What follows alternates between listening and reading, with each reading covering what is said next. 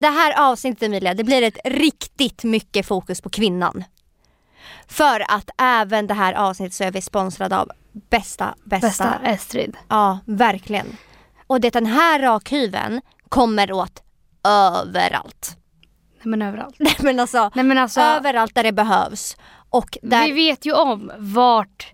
Det är vissa ställen som är väldigt svåra att komma åt.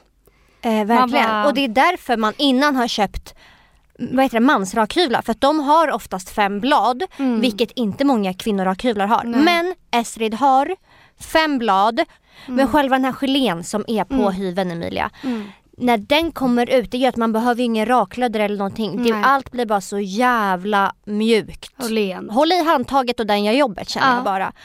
Och även att rakhyvlar brukar vara så jävla plastiga och fula. Mm. Men Estrids rakhyvlar kommer i ljusrosa, lila och aprikos. Orange typ. Vilket gör också att det blir en inredningsdetalj i badrummet. Och glöm inte att när ni köper det bästa rakhyvlet då måste ni ange arligt talat så skänker ni automatiskt 10 kronor till organisationen Kvinna till kvinna. Vilket är väldigt fint och passande för det här avsnittet. Ja, vi kvinnor är fan bäst. Så tack Estrid för att ni sponsrar det här avsnittet.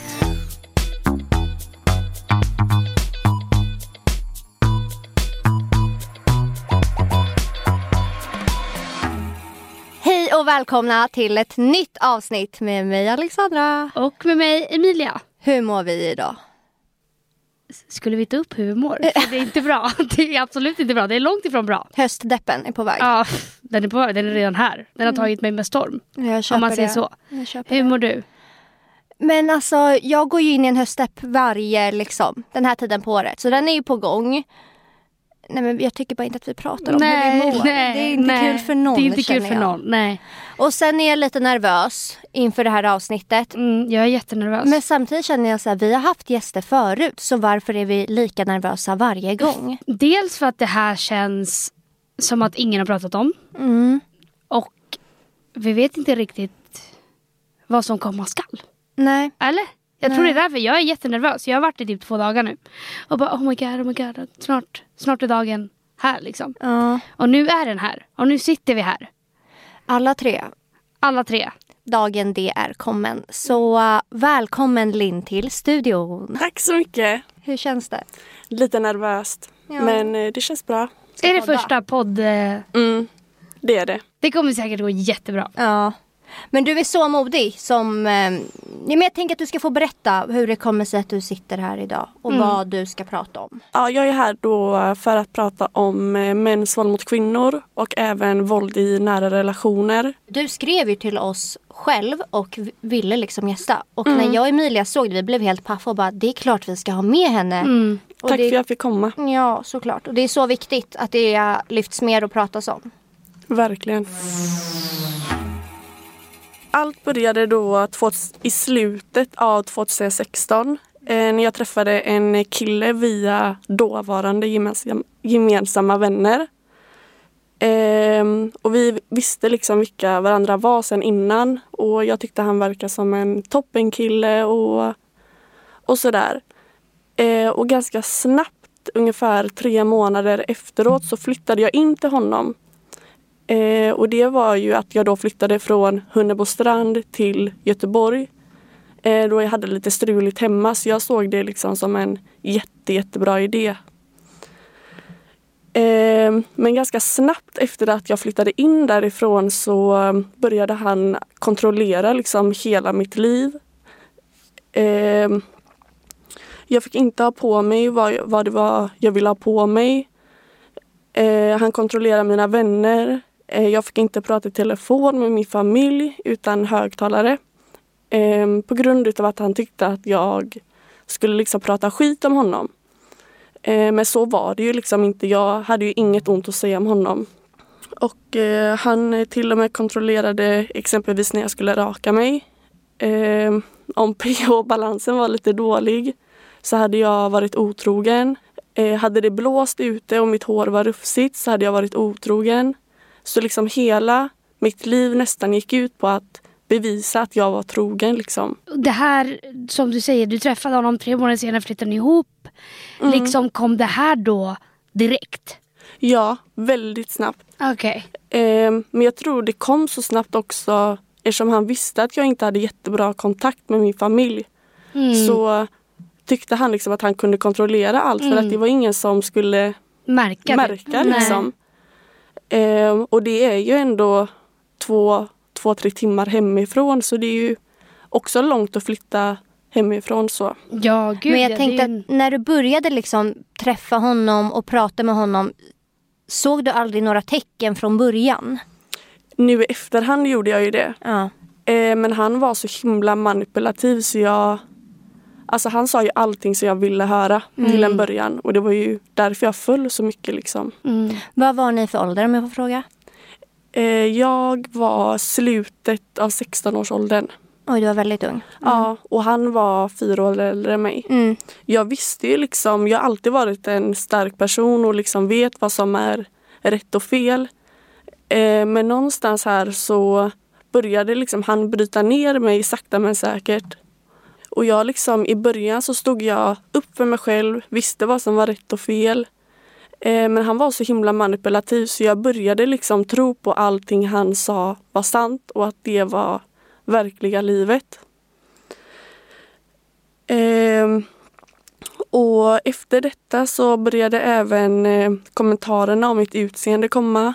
Ehm, och det var ju så han liksom började verkligen bryta ner mig. Att kommentera att jag var exempelvis en hora, att eh, ingen annan ville ha mig än honom.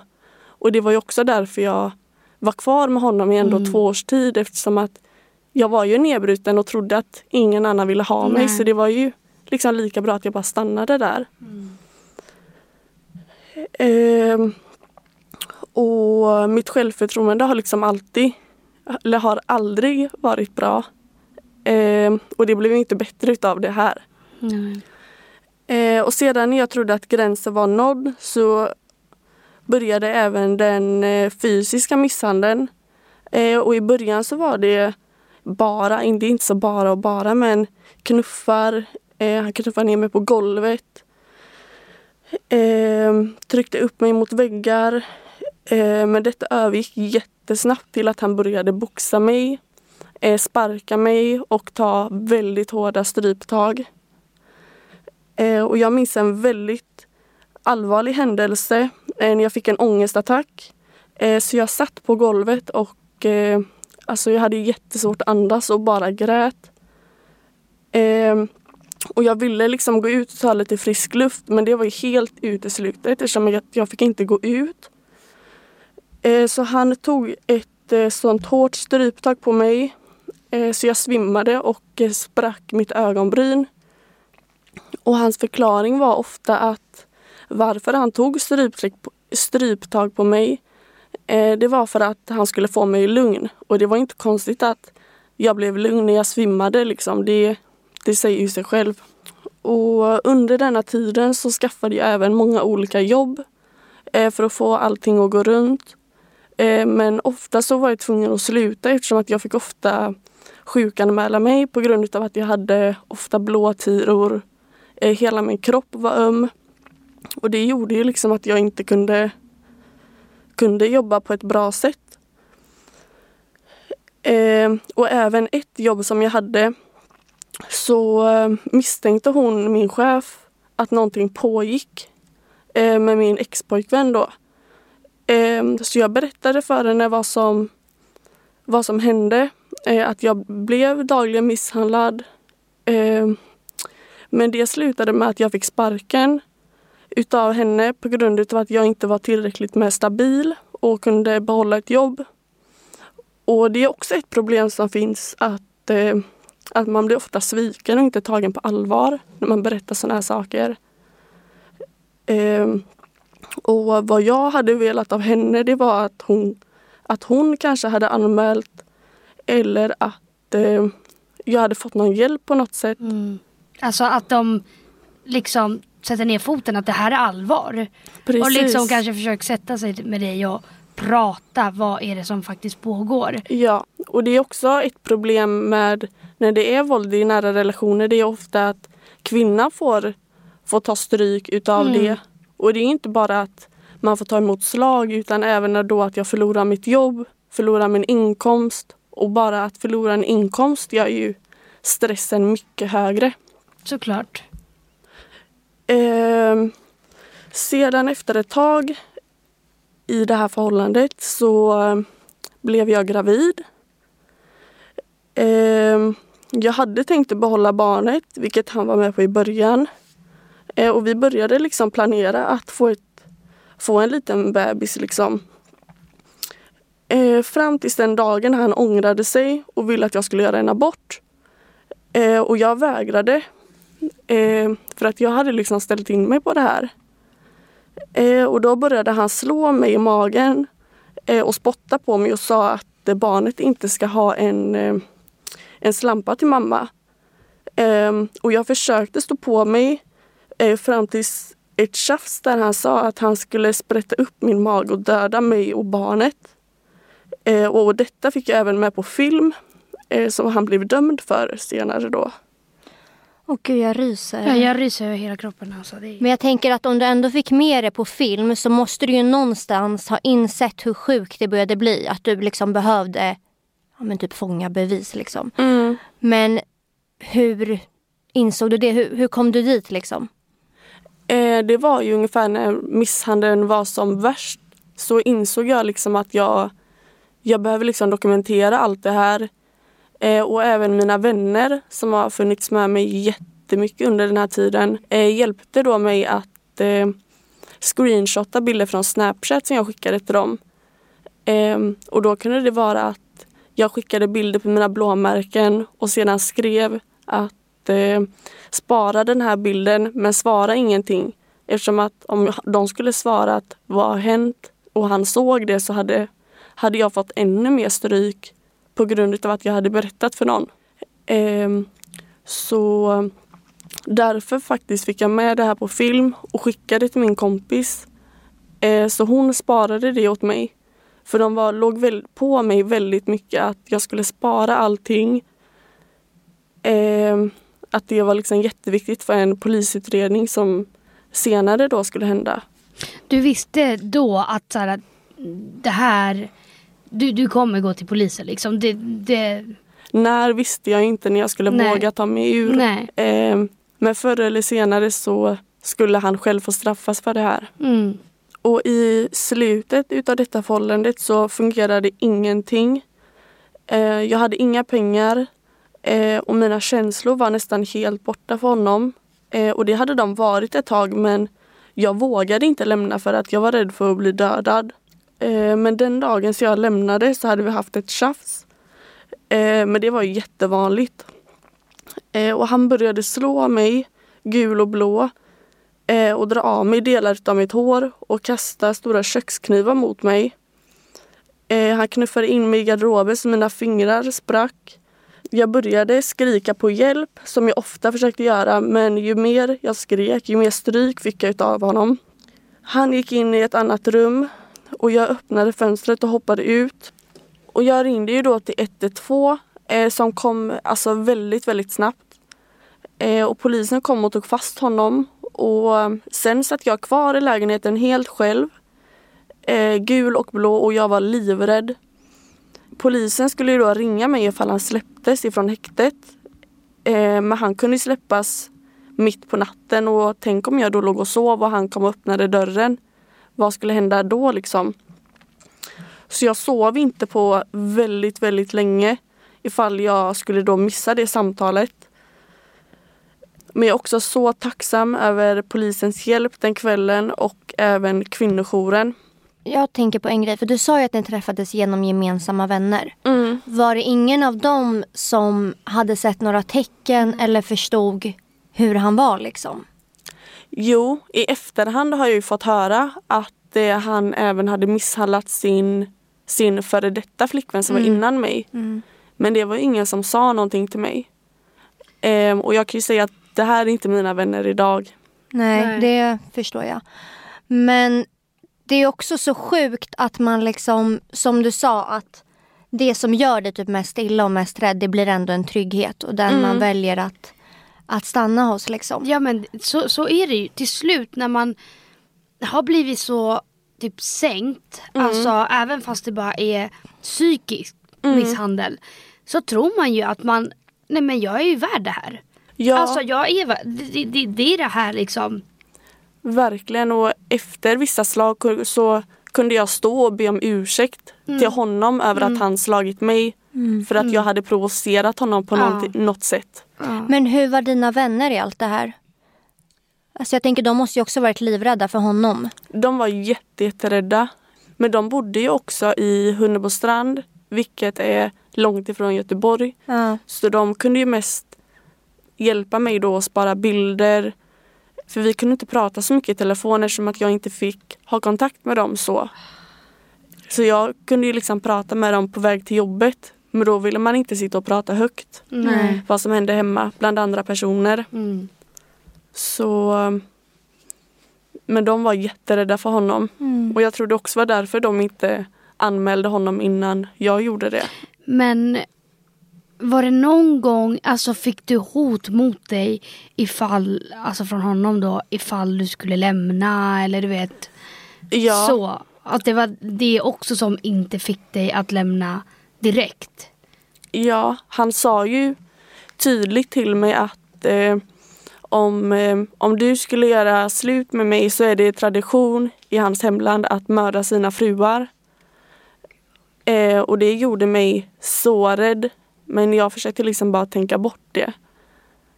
Men eh, Men nu i efterhand när du ser tillbaka på det, tror du liksom att för att Många hot kan ju vara alltså på ett sätt ganska tomma hot. Men tror du att han skulle kunna alltså mörda dig? ja, Ja. Inga problem. Eh, och när han satt häktad eh, så var jag jätterädd. Och jag fick ju gå på väldigt många olika förhör och försöka förklara för polisen hela förhållandet. Eh, hur det var och det var ju också väldigt, väldigt jobbigt. Och det som jag också ångrar det är att jag inte skrev dagbok under denna tiden. För det hade varit så mycket lättare för mig att kunna berätta för polisen vad som egentligen hände vissa kvällar.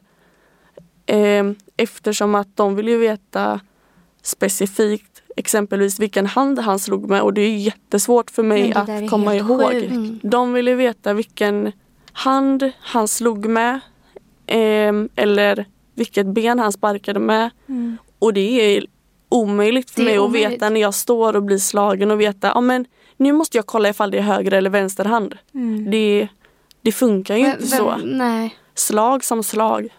exakt. Alltså ja. Och jag fick gå på väldigt många olika möten eh, hos min advokat, hos polisen. Och även så var jag ju tvungen att eh, åka till olika sjukhus för att dokumentera mina skador. Och det tycker jag också är ett väldigt stort problem är att jag åkte först till ett sjukhus men då kunde de inte dokumentera därför deras kamera var sönder. Så jag fick åka till nästa sjukhus och där var, hade de dåligt ljus i sina lokaler så de kunde inte heller dokumentera. Och på det tredje sjukhuset så hjälpte de mig. Men det är också jätte, jätteviktigt att man som kvinna verkligen är stark och tar sig runt till de här olika sjukhusen trots att de inte kan hjälpa en på första eller andra stället. Alltså det, det är så sjukt att det ens ska finnas sådana här motgångar när det redan är på det här sättet liksom. Mm. Men jag förstår inte, hur ska man, när man redan är så nedbruten både fysiskt och psykiskt. Hur, alltså du är så jävla stark som ens samlade mod att göra någonting åt det. Och mitt i allt det här då ska man kastas runt och inte ens kunna känna sig trygg. Nej. Nej. Kunna typ lita på hela processen och systemet. Jag tycker bara att det känns helt sjukt att Mm. det ens får vara så och att Det ska inte vara så, det får inte vara så. Och det är så ändå. Men jag är så glad att min mamma hjälpte mig att köra mig runt och kom ner till Göteborg då och hjälpte mig att köra mig runt för att sitta på en spårvagn och åka kollektivt. Det hade inte varit roligt i den situationen. Nej. Gud nej. Men när din mamma kommer ner då till Göteborg då. Visste hon någonting? Nej, Nej. Hon eh, vet fortfarande inte allt eh, fram tills denna podden kommer ut Mm. om vad som har hänt. Mest för att skydda henne. Mm. För jag vet ju hur ledsen hon kommer bli.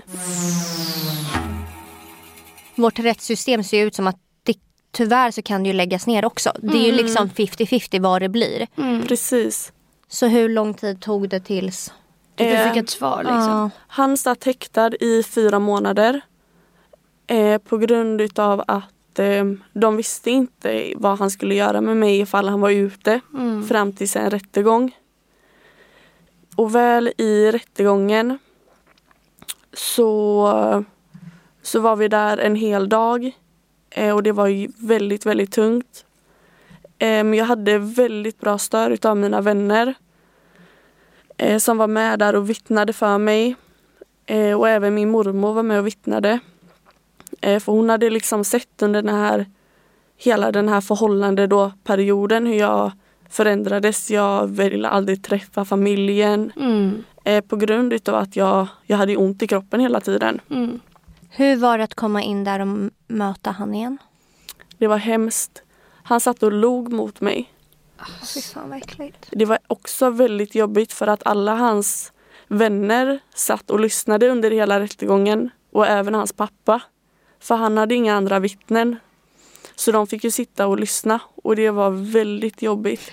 Men jag tänker hur, eh, hur betedde sig de? Hans vänner, hans pappa? De satt ju och skrattade åt mig när jag satt och berättade. Eh, och även hans pappa satt och kallade min lilla syster eh, för hora i slutet utav rättegången på grund utav att hon gjorde lite ljud när jag pratade. Mm. Och det visar ju också vilken intelligens den familjen har. Mm. Och även i rättegången så, så tog de fram olika dokument som de hade gjort under eh, häktningstiden för honom. Eh, och då hade han fått göra en eh, ett personlighetsutredning. Och då visade det sig att han, han var inte helt frisk. Eh, utan hade några drag som en psykopat har. Mm. Och eh, även när de skulle läsa upp den här utredningen så var alla åhörarna som var där inne var tvungna att gå ut för att skydda honom. Det var ingen som fick sitta och lyssna på personutredningen mer än, mer än jag och alla domare och även han själv då. Så varför skulle han bli skyddad så mycket? Men jag var tvungen att sitta och berätta om vad han har gjort mot mig. Mm. Men i slutet utav dagen när rättegången var färdig så kom ju hans dom. Eh, och då fick han lyssna i sex månader. Och han hade redan suttit fyra månader i häktet så han satt en månad i fängelset. För man behöver bara sitta två tredjedelar av straffet om man sköter sig. Och det är helt sjukt. Det är, nej men alltså det är helt jävla fucking stört. Mm. Det är stört. Alltså hur, hur vad, vad ska man, vad ska behöva, behöva hända för att du ska få sitta inne liksom? Vad, vad ska behöva ske? Och när var den här rättegången? Det var nu i år. Första mars. Så att han är alltså ute nu? Ja, det är han. Ja. Och eh, mina vänner har ju sett att han är på Tinder. Så han försöker väl hitta någon ny. Och jag vet ju med nästan 100 procent att nästa tjej han kommer ha kommer han döda. När han är ute nu, vad fick du för hjälp efter det här? Vad var liksom, Ett kontaktförbud fick, har jag inte fått. har du inte fått? Nej, för att han har inte försökt att skada mig sedan han kom ut. Men det är inte konstigt för att vi har inte stött på varandra än. Men förlåt men vad, Vad krävs? alltså vad är det som krävs? Det, det, Jag det tror jag han måste så, slå mig gul och blå igen. Eller typ så en sista gång mordförsök typ. eller något för att det ska... Men vad, vad ska hända då liksom? Han är ju fan en fara för samhället liksom. Ja, gud ja. Och hur kan man inte ta det på allvar? Det är det jag inte fattar. För som du sa, är det inte jag så är det ju nästa Ja, tjej som blir mördad. ja, och jag har även haft kontakt med hans ehm, ex-flickvän som var innan mig. Mm. Ehm, och han slog även henne. Men det var ju det var inte lika mycket som han slog på mig. Så det trappas ju upp hela tiden. Och nästa steg är ju då att döda. Och han har ju även skrivit till mig nu i, när han kom ut. Mm. Så skrev han ett långt meddelande till mig att eh, han tyckte det var väldigt dumt att jag inte satt, satte stopp för det här i rättegången. Eh, och han tyckte att Satte jag stopp för vad? satte stopp för anmälan. För i hans huvud så har han aldrig misshandlat mig. Nej men då är det för att det är så normaliserat i hans hjärna att han tänker att det är så här man behandlar en kvinna typ. Mm. Precis. Och han tyckte det även var jättedålig stil eh, över att jag inte skickade brev till han i fängelset. Inte ens ett förlåt kunde han få, skrev han till mig. Och att han har lidit i sitt liv för att han har hjälpt mig. Hjälpt mig med vad? Han ser det typ Ingenting. som en uppoffring att, han, att du fick flytta in där och Mm. Men den här människan är ju Nej men den här så människan sjuk. behöver vi för fan alltså. Men det gör mig också så jävla ledsen. Hur kan han alltså, han, ens- är så sjuk. Hur kan han ens få vara ute? Alltså hur kan man tro att hans fyra månader i häktet kommer göra någon jävla mirakelförändring? Alltså jag förstår inte det. Jag förstår verkligen inte vårt jävla rättssystem. Det stödet jag har det är ju min nuvarande pojkvän eh, som är helt fantastisk. Eh, mina vänner och min familj. Det är ju de som aldrig sviker. Får du gå och prata med någon? Alltså har du någon? Nej, det har jag inte. Utan jag pratar ju då med mina vänner. Ehm, för att det är också ett väldigt stort problem. Det är att man, man får inte så mycket hjälp som utsatt kvinna. För det fin- jag tror inte det finns så mycket kunskap om det mer än då kvinnojouren. Eh, så man kan få hjälp utav att få ett skyddat boende under en viss period. Har du haft det? Nej, det har jag Nej. inte. Jag har ju bott på ett kvinnohem, ett skyddat boende. Och det var också så här att med min mamma och min lillasyster när vi levde under hot, inte från min pappa men på grund av det livet han levde liksom. Så Mm. hot utifrån från andra. Och det var också, det, fi- det finns ingen kunskap. Vi sökte också hur mycket, eller min mamma sökte hur mycket hjälp som helst men man blir liksom bara så lämnad på något sätt och det är så sjukt för att nästa steg hade verkligen varit att vi blev dödade. Mm. Alltså, Och också så här, när man är där. Det sista man det sista man har det är ork och hopp. Alltså man- när allt, det är då man verkligen behöver som mest hjälp. Att, vet du vad, du ska faktiskt komma hit. Du, du ska prata med oss. En gång, alltså trots allt man har gått igenom så är det så här. Det är du som måste klara dig ur det här. Precis.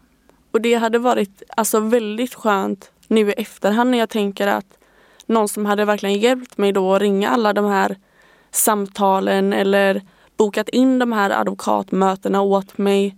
För man orkar inte göra Nej. något sånt själv. Och bara ta sig till sjukhuset hade inte jag gjort om inte min mamma hade funnits. Hade jag ju inte, aldrig orkat. Men du berättade ju att dina vänner också såklart var rädda för honom och att det kanske inte var så många i omgivningen som visste. Mm. Men fanns det något annorlunda du önskade att de kunde gjort ändå? De som väl visste. Nej, det, det går inte att liksom lägga över det på någon annan utan det är bara mig själv liksom som jag har, inte att skylla men att jag, jag kunde ha gjort någonting tidigare. Men samtidigt så är det ju inte heller min skyldighet att ta mig ifrån det förhållandet. Jag tror att det där är det vanligaste, att man alltid lägger skuld på sig Mm. själv. Mm. Det är även samhället som också lägger skuld och även i rättegången så fick jag ju frågan varför jag inte lämnade tidigare. Men det är inte jag som ska lämna Mm. utan det är han som ska lämna mig om han har så mycket problem.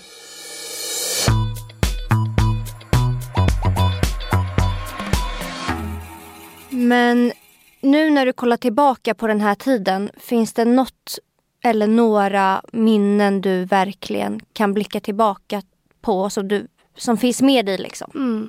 Det mesta är faktiskt som en dimma. Eh, men det jag kommer ihåg det var att under de tiderna som jag blev då arbetslös eh, var att höjdpunkten på dagen det var att gå till mataffären och handla. Eh, för det fick jag göra, det låg bara fem minuter ifrån vårat hem. Och det var höjdpunkten på dagen för mig. Men när man lever i en sån skräck och rädsla så vet man ju knappt vilken dag det är eller vilken tid på dygnet det är. Ehm, för hela livet är ju kaos. Mm. Och jag blev ju alltid så glad när de som jobbade i butiken hejade på mig. Det var ju också så stort på mig att de att de hälsade och var trevliga liksom. För det, Mm. det fick jag ju inte uppleva hemma. Nej. Men jag tänker bara, förstod inte folk, alltså dina, allt ifrån dina grannar till de i matbutiken. Alltså någon måste ju ha sett och tänkt någonting. Varför gjorde ingen något? Våra grannar eh, de fick ju också frågan utav polisen eh, ifall de hade hört någonting. Eh, men de sa att de aldrig har hört någonting och inte har sett någonting. Eh, men det tror jag är för att de också är väldigt rädda. Ja. Mm. Och man, man försöker leva i någon slags förnekelse utav vad som egentligen händer. Mm. Mm. Men det här hände ju i år. Alltså allt, man kan ju säga att allt avslutades i år. Eller ja, rättegången och hela den processen. Och sen träffade du din nuvarande kille. Mm. Hur vågar man släppa in någon efter något sånt här? Det var jätte, jättesvårt i början. Men samtidigt så fick jag bara en sån himla bra magkänsla utav honom. Mm. Ehm, och jag tänkte liksom i mitt huvud att det är liksom nu eller ingenting. Att, för man måste våga lita på män igen för att det går inte att, att gå runt och tro att alla män slår. För det Nej. gör de inte. Mm. Men det påverkade verkligen oss två i början eftersom att jag hade fortfarande och har än idag väldigt mycket mardrömmar. Ehm, jag kan vakna upp på natten och bara skrika. Jag har väldigt mycket ångest och jag är aldrig ute själv utan min pojkvän. Jag går aldrig ut när det har blivit mörkt för jag vet aldrig ifall mitt ex kan stå bakom ett hörn och vänta på mig. Och det är så sjukt att du ska behöva leva. Jag förstår bara inte hur, hur inget mer kan ha hänt. Att vi inte kan ha kommit längre i vårt samhälle. Att du Mm. fortfarande ska behöva leva med den rädslan. Nej, och att du inte får hjälp än idag och mycket längre fram. Jag, jag tror också att vi som aldrig har varit med om något liknande. Man tänker ju att ja, men, händer något sånt här så kommer det liksom aldrig kunna hända igen. För att samhället kommer liksom ha så mycket åtgärder. Den kommer få så mycket hjälp. Så det är verkligen så sjukt att höra din historia och höra att du liksom på något sätt lämnades ändå kvar så ensam i allt. Och allt fokus var verkligen på ditt ex, på honom. Mm. Det, var ju, det var ju han som fick hjälp i då fängelset. Mm. Att eh, Göra göra personlighetsgrejen. personlighetsgrejer och, och så vidare. Men eh, jag fick ju ingen hjälp. Och det är verkligen så sant att man har ingen annan i livet än sig själv. Det har jag verkligen fått leva upp till nu. Mm. Men Linn, jag tycker att det är helt fantastiskt att du har din pojkvän nu. Och att du liksom får uppleva så som det ska vara. Mm. Och att du vågade ge en... Ärlig chans. Alltså för det är så stort verkligen. Och fett imponerande att du vågade ge någon en ny ärlig chans efter allt det här. För att det tror jag inte att det är många som hade klarat. Nej. Nej. Verkligen inte. Så det är helt fantastiskt. Men som du sa innan så är ju det här tyvärr en vardag för jättemånga Mm. tjejer och speciellt unga tjejer för du var jätteung när det här hände. Ja, gud ja. Så jag tänker bara, har du några tips till dem? De som har gått igenom det här eller, Eller går, går, igenom ja. det här. Ja, alltså jag har några tips och det är ju att alltid prata med någon. Eh, vad som händer, någon som du verkligen litar på. Och berätta eh, vad som händer i ditt liv. För att det är så viktigt att du senare kan ha ett vittne vid en eventuell rättegång om du skulle våga anmäla. Och även att skriva dagbok. Eh, för det är väldigt, väldigt svårt att eh, minnas varje kränkning som man får. Det måste inte vara slag utan kränkning. Och då även skriva upp datum och tid. Och om du minns vilken hand han slog med. Eh, för det är tyvärr sådana frågor som man kommer få. Och skulle det vara så pass illa så att ringa kvinnojouren. Eh, för de kan hjälpa dig att få ett skyddat boende. Eh, och kvinnojourens telefonnummer är 020 50 50 50. Och det, det kommer inte stå på din telefonräkning om du ringer dem. Och de har tystnadsplikt. Och för er som är närstående till någon kvinna som blir utsatt så skulle jag tipsa er om att bara sitta och lyssna på kvinnan och inte anmäla för det kan bara bli värre för kvinnan. Mm. Utan det måste komma ifrån kvinnan själv när hon känner sig redo. Om man nu kan känna sig redo men, men det måste komma från henne.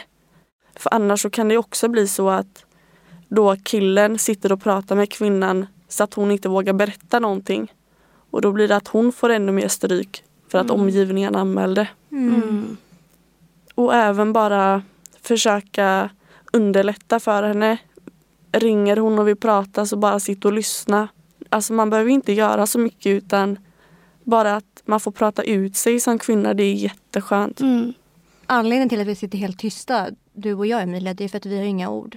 För att man har ju aldrig hört någon prata om det på det här sättet. Nej. Och då blir det så, alltså nu när vi sitter liksom framför dig så blir det ju ännu mer verklighet liksom att, mm. att det händer. Mm. Och att det kan hända vem som helst liksom. Mm. Och det här är så jävla svårt för att jag tänker Emilia om det hade varit du. Mm. Då tror inte jag att jag hade jag hade inte kunnat se på. Det hade varit så jävla svårt. Men som du sa, det hade ju verkligen kunnat bli värre om jag gjorde om någonting. Om du tar det liksom i dina... Men samtidigt, alltså... hur fan ska man bara kunna se på och se... Alltså för du kanske inte har kraften att lämna liksom. Mm. Nej men jag tror... Samhället Eller spelar jag... så jävla stor roll Ja, här. jag tror att... För hade man vetat att att, men går jag ur det här så kommer jag få ett lyckligt liv eller ett normalt liv. Vilket det är klart du kommer få. Du mår ju mycket bättre nu. Du är med någon som är bra för dig. Ja, verkligen. Mm. Eh, så att, för det har ju blivit bättre. Men man kanske inte tänker i de banorna där och då.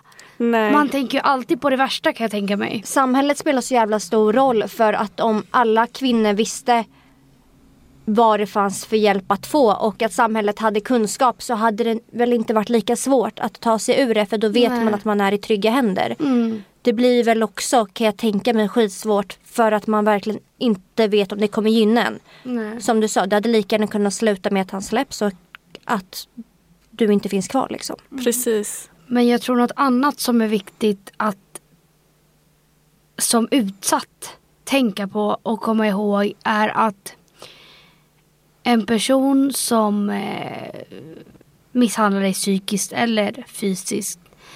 Att det är ingen person den personen kommer inte ändras. Den kommer inte sluta slå eller vara elak mot dig från ena dagen till den andra. Nej. Jag tror att det, det blir ju bara värre och värre. Verkligen. Det... Och det, jag fick ju också höra att efter första slaget att det var mm. sista gången men har man då som man redan tagit det, det steget mm. över respekten att sätta mm. sin hand på den, den man är tillsammans med eller bara en annan person så, så har man tappat det. Mm. Då, mm. då kan man göra vad som helst. Mm. Jag tror att i början är det väldigt mycket att ett första slag och bara gud jag ångrar det, förlåt, förlåt, förlåt, förlåt. Och så mm. tror man på det och så blir det en tillgång. Och till slut så blir det ju sjukt nog en del av vardagen. Ja. Och att det man ser liksom inget mellanrum från första gången när det var förlåt, förlåt, förlåt till att du ber om ursäkt för Precis. att du har blivit slagen. Det går så snabbt utför. Mm. Och det, det var ju liksom bara från ena dagen till den andra. Mm. Att det var ena dagen förlåt, förlåt, förlåt. Mm. Och även andra dagen förlåt, det kommer mm. aldrig hända igen. Men det var ju vardagsmat att höra det. Mm. För varje gång var ju sista gången. Mm. Och försök verkligen till dig som går igenom det här att stå på dig. Mm. För det kommer bli så mycket bättre. Det, det slutar aldrig bra i, med våld i nära relationer. Alltså det... det gör inte det. Men du går inte och pratar med någon idag? För det måste ändå vara så mycket du behöver, bearbeta. Ja, ja. ja, egentligen men Samtidigt så känner jag också att det hade nog också varit jobbigt att gå och prata med någon För att då kommer Allt allting löser upp igen. Ja. Mm. Och jag försöker ändå bara komma vidare från det här Mm. och fortsätta med mitt liv. Mm. Eh, exempelvis jag ska börja plugga. Mm. Fokusera på det. Fokusera på min pojkvän. Och det som gör mig glad istället. För jag Mm. tror att det här, hade jag gått och pratat med någon så hade det dragit ner mig igen. Mm. Jag tror att det här blir ett jättebra sätt för dig. att- För som du sa innan att du har ju aldrig typ hört dig själv prata högt om det. Nu har vi verkligen gått igenom från början till slut. Det här är en jättebra sätt att bearbeta också. Att få göra sig hörd. Verkligen. Och du är så viktig. Och är verkligen en förebild för de som går igenom liknande. Och för alla kvinnor. Mm. Och det ska du verkligen ha med dig. Nu kommer jag börja gråta. Så nu Ja, jag med. jag med. Men jag vill verkligen tacka dig jättemycket Linn. Jag är verkligen så imponerad av dig. Alltså verkligen. Så stort att du skrev till oss från början. För det är verkligen vi som borde skrivit till dig och bett dig att få komma hit. För att, att du gör din röst hörd här är så viktigt och kommer hjälpa så många. Så många. Och Tack. Det Tack kom- för att jag fick komma. Jag, kan, eller jag förstår att det är jättejobbigt för dig att prata om det här. Mm. Men eh, det kommer ju bara hjälpa.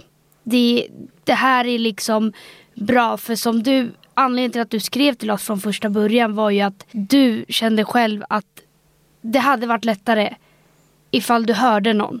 Ja, ehm, och jag vet ju själv att då när jag satt som mest inlåst i lägenheten, jag lyssnade ju på jättemycket podcast, jag kollade på jättemycket Youtube-videor, Mm. men det var ju ingen som pratade om något sånt här. Mm. Och ehm, har jag hjälpt en tjej idag så, så är det jättebra för mig. Mm. Ja, jätte, jätte tack för att du kom Linn. Jättetack. Ja, Tack för att jag fick verkligen. komma. Ja, och lycka till med allt nu. Det Tack. blir så bra.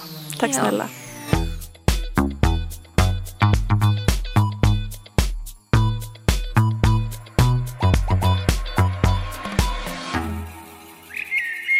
Det här var en produktion ifrån Pod Agency.